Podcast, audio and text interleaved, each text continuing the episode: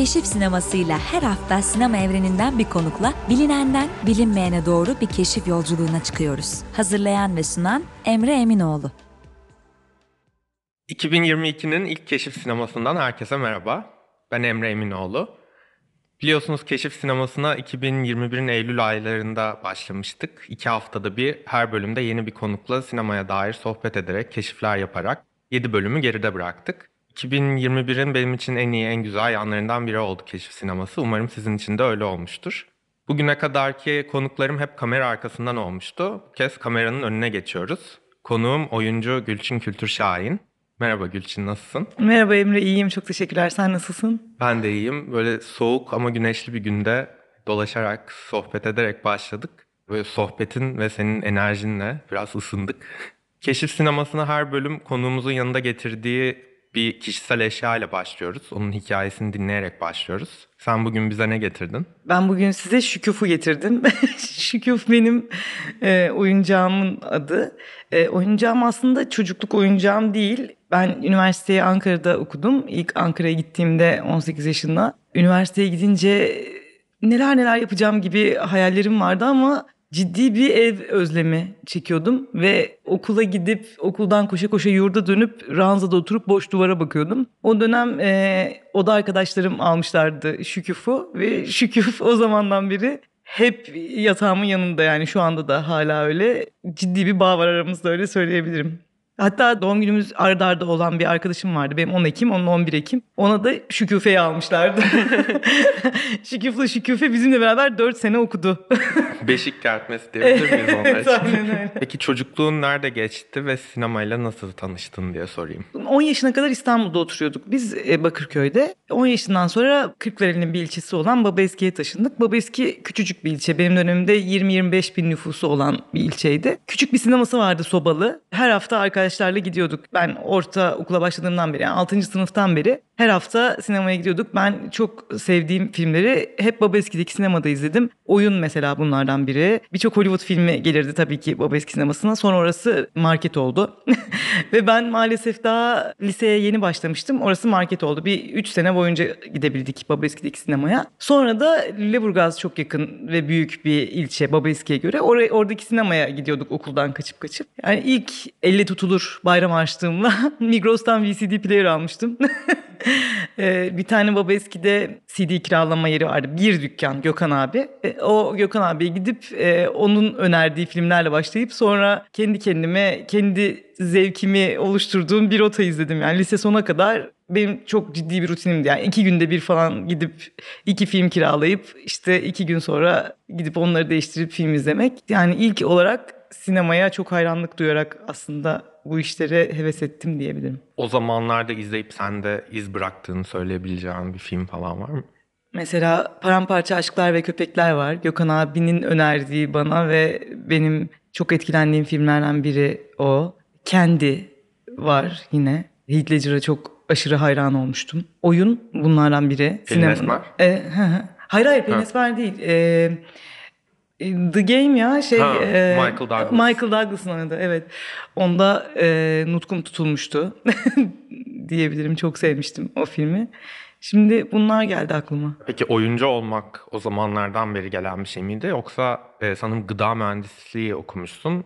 Hani daha üniversite yıllarında mı oyuncu olmaya karar verdin? Şöyle şimdi ben yine 6. sınıftayken bir e, Türkçe öğretmeni geldi bizim okula ve o bir tiyatro oyunu yapmak istedi bizimle beraber. Ve bu bizim için çok yeniydi. Böyle bir şey yoktu. Baba eskiye gelirdi böyle tiyatro grupları ama çok ayda yılda bir Uygur tiyatrosu gelirdi mesela koşa koşa giderdik. Babam da gençliğinde böyle belediye tiyatrosunda falan oynamış aslında ama yani çok kısa bir dönem e, geçici bir hobi gibi. İşçi emeklisi babam sonra yani hiç e, tiyatroyla ya da oyunculukla vesaireyle uğraşmamış ama hep böyle temsiller olduğunda gitmeye çalışırdık. Geldiğinde çok nadir gelirdi. İşte o Türkçe öğretmenimiz sayesinde bir oyun e, koymak istedi sahneye. Sinir Hekimi oyununa karar verdi. Mehmet Akan'ın yazdığı. Mehmet Akan da bizimkilerdeki yöneticidir o. Mehmet Akan'ın yazdığı. O oyunu böyle hepimize okuttu. Yani o zaman çocuklar arasında bir yani yetenek sıralaması değil de yani şey yapıyor. Kim okuyor, kim hevesli, kim daha iyi okuyor falan. O zaman da bana o oyunun başrolünü verdi o temsilde ve karakteri keşfetmeye başladığımda öğretmenimle beraber yani aslında oyunculuğun içinde gezmeye başladığımda yani en başta benim için sadece havalı ve güzel okumaktan ibaretti. yani oyunculuk. Kendi kendime e, öğretmenimin de işte rehberliğinde dediğim gibi oyunculuğu içinde dolaşmaya başladığımda bundan aşırı büyülendim ve hayatımdaki en önemli şey haline geldi. Ve bu yıllar yıllar birbirini kovaladı ve yani ortaokul boyunca lisede hep tiyatro kulübündeydim. İşte tiyatro kulübünde yükseldim. Sekreterlik, başkanlık. Oyunlarda oynuyorum falan her sene. Ama bu kadar işte az önce söyledim e, sinemayla çok ilgiliyim. Özellikle yani yeni çıkan bir filmi kaçırmamaya çalışıyorum. Sevdiğim oyuncuların her şeyini izlemeye çalışıyorum. İşte sevdiğim bir yönetmenin nesi varsa izlemeye çalışıyorum. Ama e, ne ailemde ne de bende bu kızın oyunculuğa ilgisi var e, gibi bir düşünce uyanmadı. Buna çok şaşırıyorum. E, işte bu maalesef oyunculuk meslek değildir. Yani oyunculuk ancak hobi olarak yapılır e, ve para kazandırmaz ve hayatını idame ettiremezsinin bir yansıması bence. Ve buna çok üzülüyorum şu andan baktığımda. Ben notları iyi olan işte üniversitede bir yer kazanması garanti gözüyle bakılan bir öğrenciydim ve hayatımda hep tiyatronun ve oyunculuğun olacağını bilerek ama onu asla meslek olarak görmeyerek aslında işte önce gıda mühendisliği okudum. Ve yani önüme geleni dört elle çalışmaya programlı olduğum için yani bu iyi bir şey değil bence e, her zaman. Gıda mühendisliğini okudum, yüksek lisans yaptım. Çünkü işte gıda mühendisliği içinde nasıl var olabilirim falan diye düşünüyorum aslında. Akademisyenlik düşünüyorum hala ama hala işte oyunlara gidiyorum. E, bir tiyatro kulübündeyim, üniversitede de, yüksek lisans zamanında da. Sonra baktım ben işte işe başladıktan sonra ODTÜ'de akademisyen olarak başladım araştırma görevlisi olarak önce. E, işe başladıktan sonra ben kazandığım bütün parayı işte bir yerde atölye var oyunculuk atölyesi oraya gidiyorum. İşte işten çıkıp koşa koşa provalara gidiyorum. Gece çok geç geliyorum eve. Sabah derse işte e, koşa koşa yetişiyorum filan. Ya bütün hayatımı aslında ben oyunculuk yapabilmek için devam ettiriyorum. Yani kazandığım parayı da oraya yatırıyorum. Sonra bu atölyelerin birinde bir hoca bana dedi ki Gülçin sen hiç profesyonel olmayı olmayı düşünmedin mi? Ya zaten bir profesyonel gibi çalışıyorsun. Ee, neden hiç e, bu yolu seçmedin dedi. Ha. Aa, seçilebilirdi aslında dedim. Yani benim için o kadar e, büyük bir aydınlanma anı ki bu esnada 25 yaşındayım. Her şey için çok geç olduğunu düşünüyorum. 25 yaşında hayatın e, artık ununu elemiş ve eleğine asmış olman gerektiğini düşünüyorum. Ne kadar yanlış bir düşünce yine bu.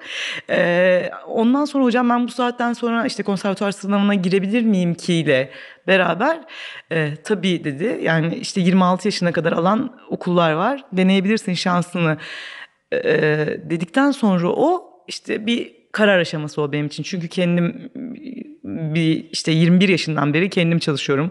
Kendim e, ekonomik olarak kendimi e, yani kendimi idare ediyorum. O ciddi bir karar. Yine bunu yapabilir miyim mi düşündüm. Çünkü ekonomik olarak aileme tekrar bağlanmak istemedim. E, çünkü ekonomik özgürlük benim için çok ciddi bir özgürlük alanı. E, bunu yapabilir miyim? Hem çalışıp hem okuyabilir miyim diye düşünüp ondan sonra işte bunu yapabileceğime karar verdikten sonra işte konservatuar sınavlarına giriş, bütün kariyerimi işte tam olarak oyunculuğa döndürme yönünde bir karar aldım. Yani çok geç bir karar bu ama aslında en baştan beri olması gereken bir şey. Bazen ne istediğini biliyorsun ama onun bir seçenek olduğunu fark edemiyorsun. Yani böyle hikayeler duyduğumda şaşırmıyorum genelde. Çünkü ben de öyleyim. Ben de normalde mühendislik okudum. Sonra mezun olduktan sonra hiç mesleğimi yapmayıp direkt yazmaya, işte kültür sanatı, sinemayı takip etmeye yöneldim. O yüzden güzel, sevindirici böyle evet, senin, hikayeler Mesela duymak. senin haberini duyunca da sevindim şu anda ben. Çünkü e, neyse ki en azından e, çok cılız bir ışıkta da olsa yolumuzu bulabilmişiz gibi düşünüyorum. Çünkü gerçekten sevmediğin ya da ait hissetmediğin bir işte çalışmak çok büyük bir işkence bence ve her hiçbir zaman geç değil. E, yani hiçbir yaş geç değil. E, çünkü e, çalıştığımız yer, e, mesleğimiz çok her şeyimizi etkiliyor. Bütün hayatımızı. Oyunculuğa geçtikten sonra ilk sinema filmin Kelebekler diye biliyorum. Ben de seni zaten ilk Kelebekler'de izlemiştim. Benim günümüz Türkiye sinemasındaki en sevdiğim böyle 2-3 filmden bir tanesi Kelebekler. Geçen bölümde hatta kayıtta mı kayıt dışında mı konuştuk bunu hatırlamıyorum. Ali ile konuşurken böyle çok rastlanmayan bir şekilde şehir yaşamıyla taşra yaşamını çok kesiştiren ve değişik bir açıdan kesiştiren bir film olduğunu söylemiştik Kelebeklerin. Çok zekice bir iç içe geçiriş o. Böyle ikisini birbirine yaklaştırıp ne alıştığımız o klişeleşmiş artık taşra filmlerinden ne tam olarak bir kentli hikayesi anlatan şehirde geçen bir film. Ki zaten uluslararası başarıları da bence kanıtlıyor. Hani daha evrensel bir açıdan yaklaşıyor çünkü. Sen nasıl dahil olmuştun bu projeye? Ben benim için de bu arada Kelebekler çok özel bir film ve de Tolga Karaçelik e, benim işte Gişe Memuru ve Sarmaşık'ı izlemiştim ben kendim daha önce ve çok hayran olduğum bir yönetmendi. Özellikle Sarmaşık benim en sevdiğim filmi Tolga'nın. Ben işte okulu bitirip e, konservatuarı İstanbul'a geldiğimde işte bana e, Tolga'nın filmi Kelebekler'in audition metni geldi işte Hatice için. Çok heyecanlandım. Yani öyle şöyle söyleyeyim. Keşke burada bir video olsa da göstersek. Bana tekstin geldiği zaman yani Tolga'nın filmi olduğunu anladığım ve işte işte Serkan'ın Serkan'la beraber işte Bartu'yla beraber oynayabilme ihtimalini anladığım zaman evin içinde dört tur falan koştum. o sevincimi keşke keşke görebilsek şu anda. Çünkü benim için çok önemliydi. Hem de ilk iş heyecanı da var tabii ki. İşte ona bir Tolga benim böyle tiyatrodaki görüntülerimden bir kolaj yapmıştım ben. Çünkü hiçbir şeyim yok daha önce çekilmiş. Nasıl olur, olur da bilmiyorum. Yani İstanbul'a zaten bunu öğrenmek için gelmişim. Şimdi ben mes- yönetmenlerin kapısını çalıp merhaba ben geldim ve size biraz maharetimi göstermek istiyorum diyebiliyor muyumun bile farkında değilim. Öyle bir işte kolaj yapmıştım oyunlarımdan. Tolga o kolajdan benden bir audition almak istemiş onu gördükten sonra. Orada işte ona audition verdim. Sonra da Tolga sağ olsun e, rolü bana teslim etti. Çok önemliydi benim için de. İlk filmim olması, ilk filmimin Kelebekler olması hep gurur duyduğum ve çok sevindiğim bir şey benim de. Benim de filmdeki en sevdiğim karakterlerden biri. Oley. Özellikle o kahvehane sahnesi falan. Yaşasın çok seviniyorum buna. Ardından Sibel geliyor. Orada Damla Sönmez'in performansı zaten Evet. inanılmaz. Adını o karakterden alıyor film zaten. İşte. Kuşköy'de, Karadeniz'deki sadece ıslık Diliyle. diliyle konuşan bir karakter, iletişim kuran bir karakter var. Orada senin canlandırdığın Feride karakteri buna çok tezat oluşturuyor gibi gelmişti bana. Çok konuşan bir karakter çünkü. Bir yandan da Sibel çok özgürleşmek isteyen bir karakterken o biraz daha geleneksel yapıyı temsil ediyor. İşte Sibel'in babasını evlendirmeye, bir aile kurmaya ısrarcı bir şekilde zorluyor aslında. Bu tezat hakkında ve bu tezatın o Feride karakteri üzerinden simgeledikleri hakkında bir şeyler söyleyebilir misin? Evet, e, bu arada Sibel de aslında benim normalde şu an düşündüğümde girmeye imtina edeceğim bir alan. Çünkü kendi yaşımdan çok daha büyük birini oynamıştım orada. Makyajla vesaireyle. Bu beni endişelendiriyor aslında. Hem e, algının e, kayması yani oyunculuk baremim diyeyim ne diyeyim yani o anlamda yani yaş aralığımın kayması aslında bir risk. O yüzden şey yapardım ama Sibel'in senaryosunu o kadar çok sevdim ki. Ve Çağla'yla Guillaume işte yönetmenleri Sibel'in o kadar hayranlık duyduğum insanlar ki işte gezginler, hikayeleri dinliyorlar. Her dünyanın dört bir yanında ondan sonra onlardan işte bu filmleri yapıyorlar ve bence Sibel harika bir senaryoydu. Senaryo okuduğumda yani nasıl e, daha iyi Feride olabilirim diye çok e, e, heyecanlandım ve çok çalıştım diyebilirim yani Feride için. Feride'nin aynı senin söylediğin gibi bütün hikayeyi döndürmedeki döndürmede de bir gücü var. Çünkü o yani Sibel'in Sibel ve babasının ilişkisini e, etkileyen e, bir noktada. Bu da beni çok etkilemişti ve heyecanlandırmıştı yine karaktere karşı. Öyle aslında daha ne diyeceğimi bilemedim. Bence de yani Feride çok konuşan, toplumun yerine konuşan bir karakter. O da çok iyi yazılmıştı diyeyim yani. Yaşadığın yeri, yetiştirilme tarzını ya da işte hayat görüşünü onlardan çok farklı belki işte Hatice, Feride ama o bunların bu karakterlerin ekran süresi kısa karakterler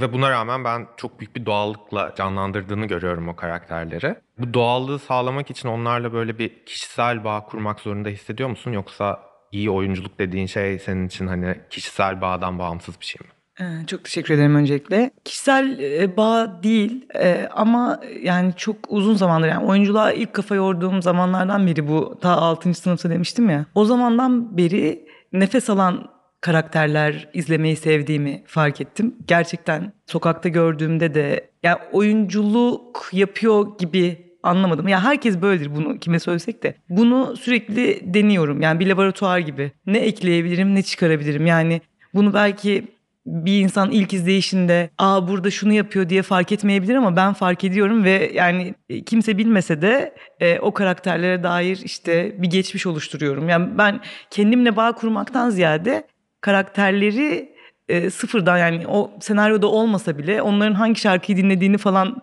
düşünmeye çalışıyorum. Kafa yormaya çalışıyorum. İşte o şarkılarla vakit geçiriyorum. İşte hangi yemeği severdi, ne yapmayı severdi. Bunlar çok küçük şeyler gibi gelebilir. Yani belki çok zaman kaybı gibi duyulabilir başkası tarafından da benim işime yarayan. Oyunculuk zaten bu. Yani kendi işinize yarayan tarafı buluyorsunuz. Aslında bir sürü oyunculuk tekniği, bir sürü oyunculuk yöntemi vardı. Kendi işinize yarayan tarafı işte e, alıp bir kolejini yapıyorsunuz ve o öyle çalışıyor. O yüzden bunu söylemeye çok sevindim. Çünkü çok kafa yorduğum bir şey. Çok tanıdık, insanların tanıdığı birilerine benziyor olmasına çok kafa yoruyorum. Ama onları ayrı bir karakter olarak değerlendirerek, onlara ayrı bir geçmiş, ayrı bir hayat yaratarak. Söylediğin şey çok belli oluyor. Çünkü yani dediğin gibi filmin geneline baktığında çok kısa bir yerde gözüküyorsun belki ama hep akılda kalan sahneler oluyor onlar ve o karakterleri dediğin gibi ben tanıyor tanıdığımı fark ediyorum. Hani e, sadece o sahnedekinin dışındakini de görebiliyorum biraz. Hatta böyle sinemayla fazla ilgilenen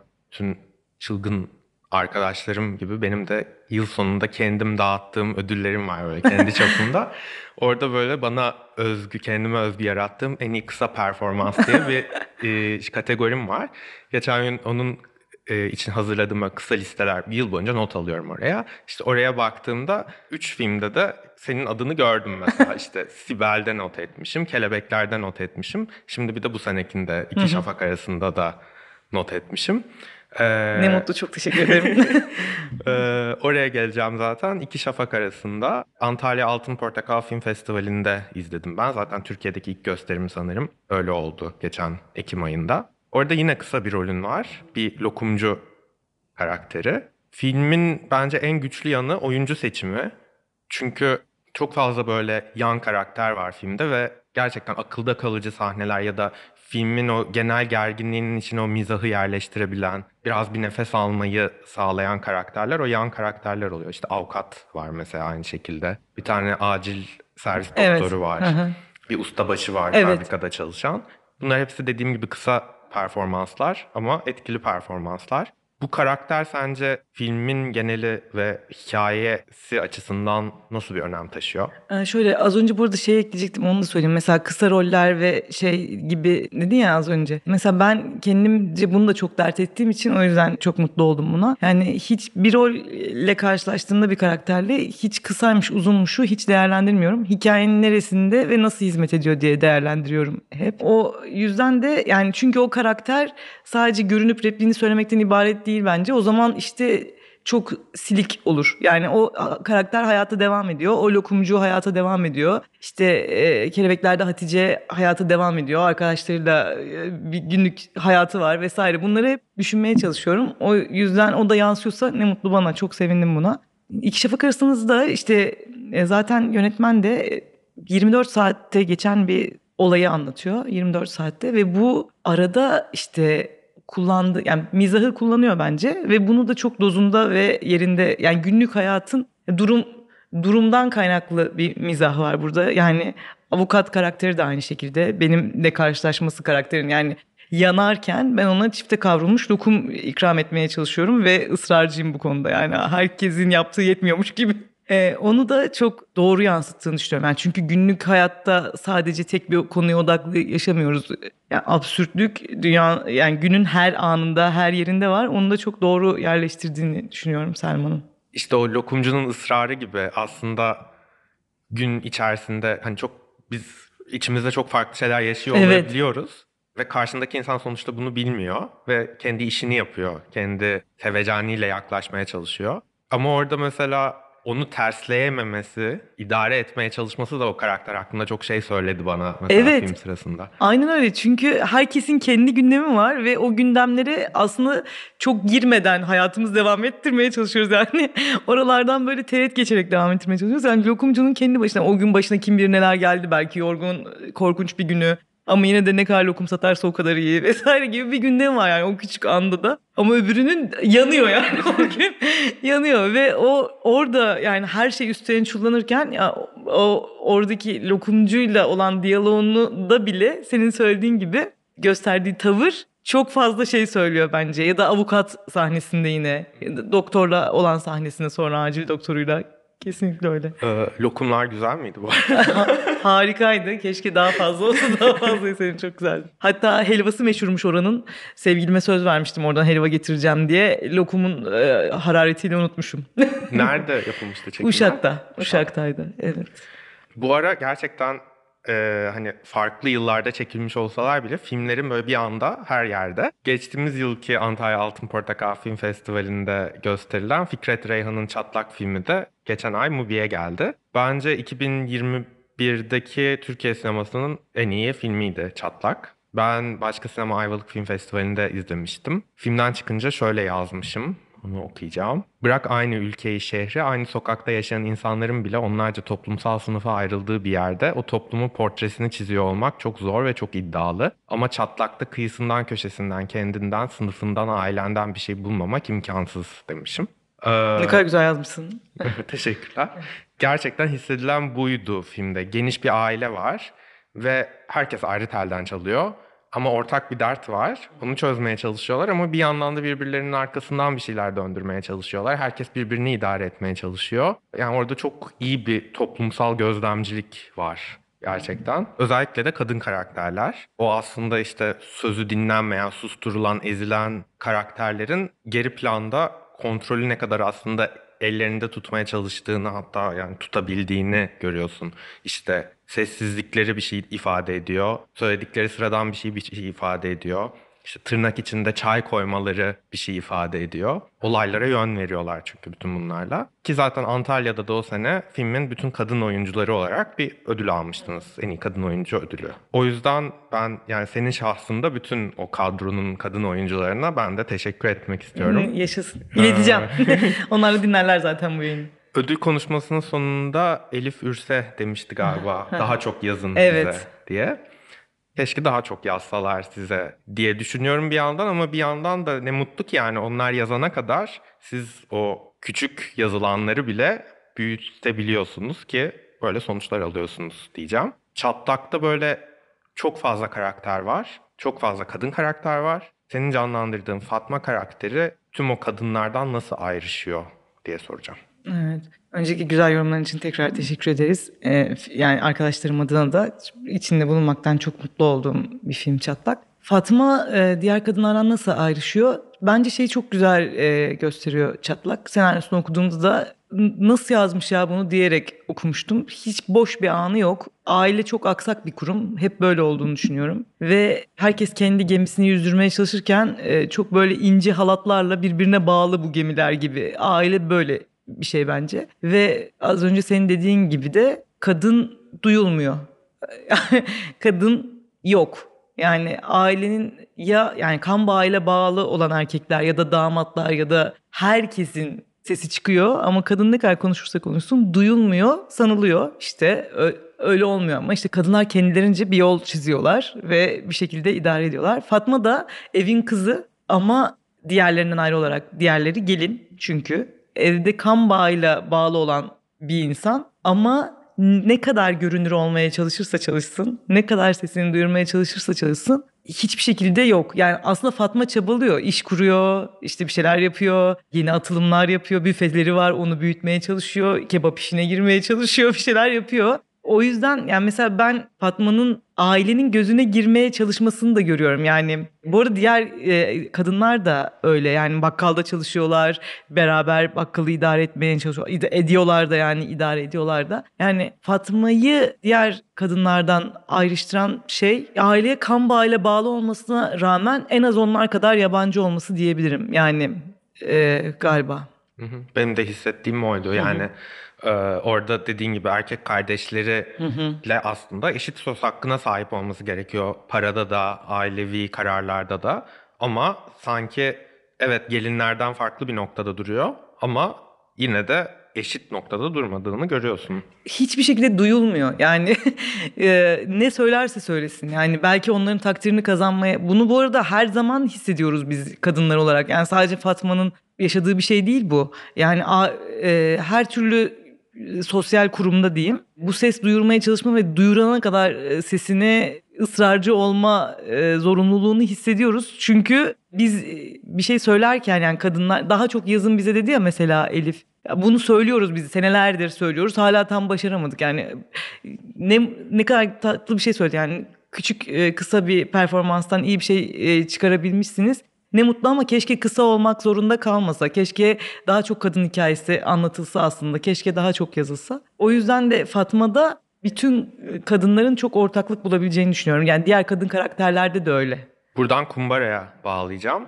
Kumbara'da 2021'in son haftalarında vizyona gelmişti. Şimdiye kadar sinemada izlediğim en büyük rolün senin de. Evet yani benim ilk başrolüm. Ferit Karol'un bu filmi borçları altında ezilen ve bu yüzden de ahlaki bir ikileme sürüklenen bir karakteri anlatıyor. Ben filmi izlerken şunu hissettim. Sanki o Murat Kılıç'ın canlandırdığı karakter, yani film onun hikayesiymiş, senaryo da öyleymiş ama sanki sen Ayfer karakterini o kadar ön plana çıkarmışsın ki bu iki başrollü bir hikayeye dönüşmüş. Yani sanki yazıldığında öyle değilmiş de sonradan öyle olmuş gibi hissettim. Ne kadar doğrudur bilmiyorum.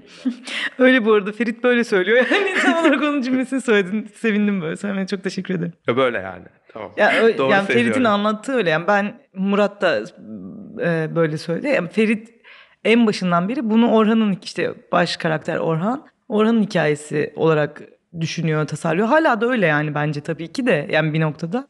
Ayfer'le beraber yani Ayfer'le ikisi başka bir organik bir şeye dönüştürüyor bence. E, hikayeyi başka bir yere taşıyor onların ilişkisi gibi düşünüyorum ben de. Orada da mesela aklımda kalan demin işte çatlakta konuştuğumuz e, kadınların yaşadığı sorunlar, aile içinde yaşadığı sorunlara bağlayacak olursak saklama kabı sahnesi var. Orada senin uzun bir monoloğun var oradan bayağı etkilenmiştim yani hani Kumbara Amerika'da gösterilen bir film olsaydı hani senin Oscar klibin o olurdu. Orası olurdu. Ya bu sahnenin Türkiye'deki kadınlarla ve Türkiye'deki kadınların aile içindeki yeriyle ilgili ne söylediğini, ne simgelediğini düşünüyorsun? Ya o sahnenin e, bütün derdi şu. Çok inanıyorum ben o sahneye ve şeyden çok ayrıştırmaya çalıştık onun. Yani bu bir sadece işte kendi derdini düşünen, dırdır eden bir kadın klişeleşmiş maalesef Türkiye sinemasında. E, bir kadın değil de gerçekleri söyleyen yani o zamana kadar o, o zamana kadar aslında kocasını incitmemek için her şeyi görmezden gelmiş ya da ona destek olmuş bir kadının yani en ufak yani bir eve aldığı saklama kabının bile onun bir lüksü olarak yani bir ev eşyasının bir kadının e, lüksü olarak ve kendi ne alıyormuş gibi sanki onun bir şımarıklığıymış gibi değerlendirilmesine ses çıkarıyor. Bütün daha önce yaşadığı her şeyi de tane tane anlatarak aslında Orhan karakterine. O yüzden bence çok önemli. Çünkü kadını o evle ilgili her şeyden sen sorumlusun ve bunlar yani anneler gününde tost makinesi alırız ya annemize dünyanın en saçma şeyi olarak. Yani bu bun, bunun gibi bir sahne benim için. Yani o cinsiyet rollerinden o anlamda kopardığını düşünüyorum. Ee, bir de genel olarak Ayfer'le alakalı da beni bu rolde oynama konusunda heyecanlandıran bir şey bu. Ferit de öyle yazmış ve çekimlerde de bunu koruduk hep e, aramızda konuşarak. Ayfer tek sadece alışkın olduğumuz gibi yani erkek karakter üzerinden var olmuyor. Yani sadece erkek karakterin e, dertleriyle dertlenip sevinçleriyle mutlu olmuyor. Kendi hayatı var, kendi e, bir mücadelesi var hayatta kalma üzerine. E, bu beni çok etkiledi. Çünkü bunu yapmak çok zor. Hele böyle bir yani erkek baş karakterin olduğu, onun hikayesinin anlatıldığı bir filmde bunun sınırlarını korumak çok zor. O yüzden de çekimler boyunca da buna çok hassasiyet gösterdik. Yani Ferit de bunu anlatırken e, hassasiyet gösterdi hep. O yüzden o sahnede buna hizmet eden bir şey bence. Bir de yani dedin ya işte anneler gününde tost makinesi almak. Hani sadece alan değil bu o kadar lanse ediliyor ki işte reklamlarla bilmem nelerle sanki olması gereken buymuş evet, gibi. sanki olması gereken buymuş gibi. O yüzden hani birbirine getiren bir şey. Sen alıyorsun, sen aldıkça onlar reklamını yapıyor. Onlar reklamını yaptıkça sen almaya devam ediyorsun ve o fikir topluma bir şekilde yerleşmiş oluyor. Evet ve de mesela o sahnede şöyle bir şey var. Yani Orhan kendi başına bir takım kararlar alıyor. Bunlarla ilgili aslında Ayfer'i bilgilendirmiyor. Sadece kararları görüyoruz biz ve sonuçlarını. Ayfer bunların hepsine az önce dediğim gibi destek oluyor ya da destek oluyor aslında yani neyse iyiyse de kötüyse de yanında oluyor. Gerçek bir evlilik nasıl olursa diyeyim yani öyle. Ee, ama Ayfer'in eve aldığı bir saklama kabı Ayfer'in şımarıklığı olarak nitelendiriliyor. Yani aşırı hayati kararlar vermiş işte evin erkek bireyi o zamana kadar hiçbir sıkıntı yok. Ama yani eve bir tane saklama kabı almış bir kadın dünyanın en büyük şımarıklığını yapmış oluyor. O yüzden de o sahnenin yani gerçekleri yansıtması, tane tane anlatması anlamında çok önemli, güzel olduğunu düşünüyorum ben. Kesinlikle. Benim seçme böyle. sahnem falan bu arada o yani öyleydi. İkinci yarıya geçmeden şöyle bir son bir sorum var. Beş filminden, beş ayrı karakterden konuştuk. Bütün bunlar arasında karakterin olduğu ve hiç unutamayacağın, hep böyle seninle kalacak bir sahne söyleyebilir misin? E, Kumbara'daki kermes konuşması sahnesi. Kermeste işte Ayfer'e bir söz veriliyor. Konuşma anı. O sahneyi çok seviyorum. Oynamayı da çok sevdim. İzlemeyi de çok seviyorum. İzlemeyi şundan seviyorum. Bana bir şey hissettiriyor. Orada da çok tatlı bir şey yaşamıştık. Yardımcı oyuncular vardı. O e, kermes sahnesi de Ayfer'in çok heyecanlı olduğu, aslında hazırlığını yaptığı bir konuşmayı doğru bir şekilde bir araya getirmeye çalıştığı bir sahne. Orada yardımcı oyuncu küçük çocuklardan bir tanesi bana abla heyecanlanma hiç merak etme çok iyi olacak falan dedi. O bana o kadar iyi hissettirdi ki onun öyle bir şey demesi. O yüzden hiç unutamayacağım sahnelerden biri o kermes konuşması sahnesi. Evet, güzel bir, o heyecanının belli olduğu bir sahneydi zaten Evet. gerçekten. Keşif sinemasında ikinci yarıda konuğumla beraber seçtiğimiz, e, ikimizin de sevdiği bir yönetmenin sinemasından konuşuyoruz. Gülçin'le seçtiğimiz yönetmen Christian Petzold oldu. Petzold aslında üretimine çok yeni başlamış bir yönetmen değil. Ama yine de benim için keşif olan bir yanı oldu bu seçimin. Çünkü eski filmlerini izlememiştim. 2012'de Barbara'dan itibaren izlemeye başlamıştım ben bütün filmlerini. Jericho'u izledim yeni. Sen ilk hangi filmini izlemiştin? Nasıl ben de tanıştın? Barbara'yı ben de Barbara'yı izledim ilk. Sonra geriye doğru gittin mi? Ee, ben işte önce o üçlemeyi izledim. İşte Barbara, Phoenix ve Transit. Ee, sonra geriye gittim. Benim gibi. evet aynen senin. Undina'dan sonra geriye gittim.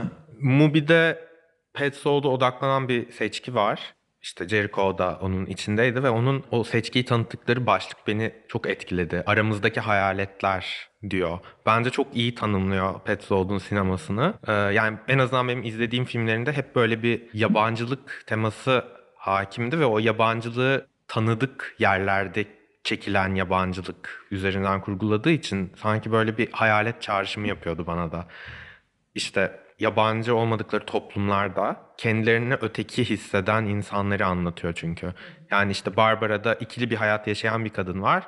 Çevresi onu tanıyor, saygı duyuyor. Ama aslında onun bilinmeyen bir yanı var ve bu onu ötekileştiriyor. İşte Phoenix'te toplama kampından dönen bir kadın var. Fiziksel olarak da çok çektiği acılar üstünde fiziksel olarak da belli olan bir kadın. Dolayısıyla sevdiği insanlar onu tanımamaya başlıyor. Transit'te Avrupalı insanlar görüyoruz ama kendi topraklarında mülteci konumuna düşmüşler. Ülke, e, kıtadan kaçmaya çalışıyorlar. Undine'de Berlin'e, işte Berlin'in tarihini, mimarisini avucunun içi gibi bilen bir kadın var. Ama kendini fantastik bir öykünün içinde buluyor ve kendine belki ya da aşka yabancılaşıyor bir şekilde. Bu yabancılaşma teması seni çekiyor mu? Ya da Petzold'un sineması ile ilgili senin de sevdiğin şeylerden mi bu? Çok çekiyor. Kendisi zaten bu hayalet konsepti üzerine bayağı kafa yorduğunu söylüyor. Yani hayaletler mevzusu e, bayağı mercek altına aldığı bir e, konu onun da. Bu beni çok fazla etkiliyor. Benim de zaten en sevdiğim yönetmenlerden biri bu arada Petzold. Yani bir gün kendisiyle çalışma hayali kuruyorum. Bunu da her ortamda söylüyorum. Belki bir şekilde kulağına gideriz.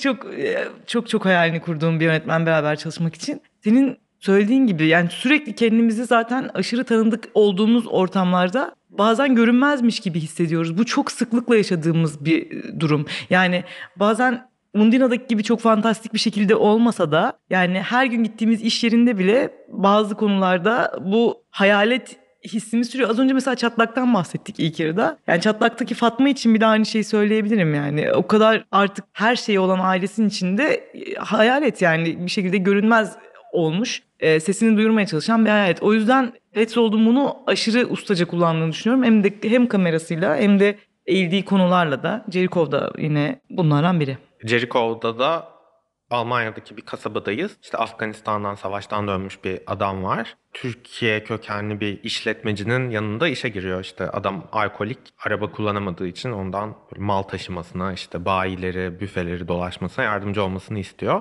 Derken bu başroldeki adamla diğer adamın eşi arasında bir ilişki başlamış oluyor ve aslında bir aşk üçgeni filmi diyebiliriz film için. Ve bu aşk üçgeni aslında hem kadını hem adamı hem de bizi izleyici olarak böyle bir ahlaki ikilemlerde bırakmaya başlıyor bir yerden Sürekli. sonra. Sürekli. Garip bir şekilde yani kendimizi hangi karakterin yerine koyarsak koyalım aldatılmış hissediyoruz gibi bir durum oluyor. Evet. Bu film neler hissettirmişti, neler düşündürmüştü sana ilk izlediğinde? Az önce senin söylediğin gibi buradaki ahlaki bu kadar basit bir şeyde bu kadar çok ahlaki sorgulama yaşamamız yani kadının geçmişi, kadının evliliğini ayrıca değerlendiriyoruz. İşte Afganistan'dan işte eski bir askerin geçmişini ve işte parası yeni gasp edilmiş yakın bir arkadaş tarafından ve annesi yeni ölmüş bir adam var. Öbür taraftan seneler önce Türkiye'den gelmiş hala aidiyet sorunları yaşayan ve yani çok zengin olmuş ama mutluluğu bulamamış bambaşka bir adam. Bunların arasında birine biraz öfkelenecek olsak yani sonra bir sonraki sahnede kendimizi suçlar halde buluyoruz izlerken. Çok çok sevdim. Filmi ben yine bayılarak izledim. Zaten Türkçe şarkılar çalıyor olması da filmde ayrı bir sevme sebebim. Filmin Nilüfer'i çok seviyorum. Mesela karar verdim benim en çok sevdiğim şarkılarından biri Nilüfer'in. Onu duyunca alkışladım falan. İyi ki evde izlemişim. Öyle diyeyim. Ee, bir de ben şeyi çok severim böyle işte açılış sahnelerinde olur genelde yolda geçen ve bir şarkının eşlik ettiği sahneler. Oraya böyle o Nilüfer'in o şarkısı çok yakışmış. Ee, sonra dediğin gibi işte başka Türkçe şarkılar da duyuyoruz. Evet. Sezen Aksu, işte Gülşen'in Evet. şarkısını duyuyoruz. Yani seni de gülümsetmiştir herhalde bu Çok. tanıdık şeyleri bulmak. O dans sahnesi yani işte Ali'nin dans ettiği sahne plajda. O bayılıyorum yani bozuyorum aşk orucumu diye bağırıyor ama bir taraftan da sirte kimsi bir şeyler yapıyor aslında. Ve de aşırı kederli şarkılarda e, dans etmesi durumu da var. Sonra şeye bozulması falan o kadar hoşuma gidiyor ki Yunan gibi dans ediyorsun muhabbetine bozuluyor olması o kadar çok çok tatlı bence çok güzel. Evet, Yani ne biçim dans ediyorsun dese o kadar, O kadar bozulmayacak, bozulmayacak. milliyetçilikten vuruyor. Evet. evet yani gel bakalım Almanlar nasıl dans ediyor göster hayda. ne alaka? Ee, ama işte bu Türkçe şarkılar filmin tek tanıdık yanı değil tabii ki. Yani işte filmin kadın karakteri Laura'nın bir repliği var mesela. Paran yoksa aşık olamazsın diyor. Evet. O rap çok hoşuma gitti mesela benim. Ee, çünkü işte borçları varmış ve bu Ali ile Büfeci evlenmesinin de sebebi aslında. Evet, evlenmesinin sebebi onun o borçlarını kapatmaya söz vermiş olması. istemeden de olsa, sevmeden de olsa belki bir evliliğe evet demiş. Yani dünyanın her yerinde, Türkiye'de de olan şeyler işte aşık olmadan, aşık olamadan belki birileriyle beraber olan, beraber kalmak zorunda olan çok insan var. Hem tanıdık bir travma belki çoğu insan için bu. Hem evrensel bir gözlem diyebiliriz Petzold'un yaptığı şeyin. Sen bir oyuncu gözüyle Laura karakterinde nelere dikkat ettin onu izlerken? Çok karmaşık bir karakter. Çok özendim öncelikle karaktere. Çünkü o ilişkide o kadar çok detay var ki mesela e, çok zor müşkül bir durumunda aslında Ali ile evlenmek zorunda kalıyor. Daha doğrusu Ali onunla evlensin diye zorlamıyor onu belki de ama yani onun e, faydasını bu aslında Laura'nın seçimi e,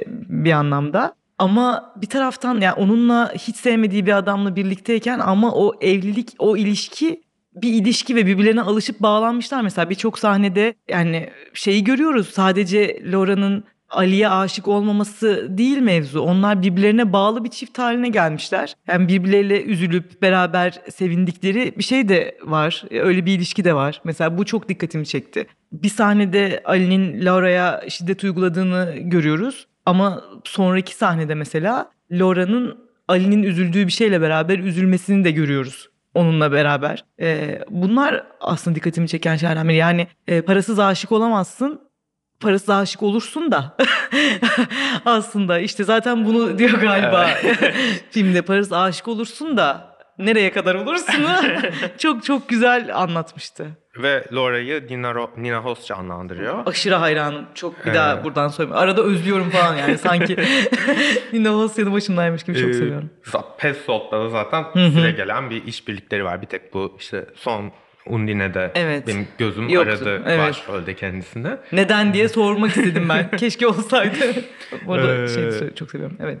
Yani çok memnun ben o işbirliğinden. Sen de öylesin evet. gördüğüm kadarıyla. Sence Nina Hoss'un Petzold filmlerindeki en iyi performansı hangisi? Aa, bu soruya cevabım çok net ve çok kolay bir soru. Hemen şak diye söylüyorum. E, Phoenix. E, bu arada biz Türkçedeki adı yüzündeki sır ve ben çok üzülüyorum buna. Hiçbir şekilde Evet. adını karşılamayan e, bir çeviri maalesef. Phoenix'teki final sahnesi benim yani en sevdiğim e, sahneler ilk üçte falan olabilir. Orada Speak Low'u söylediği e, bir sahne var.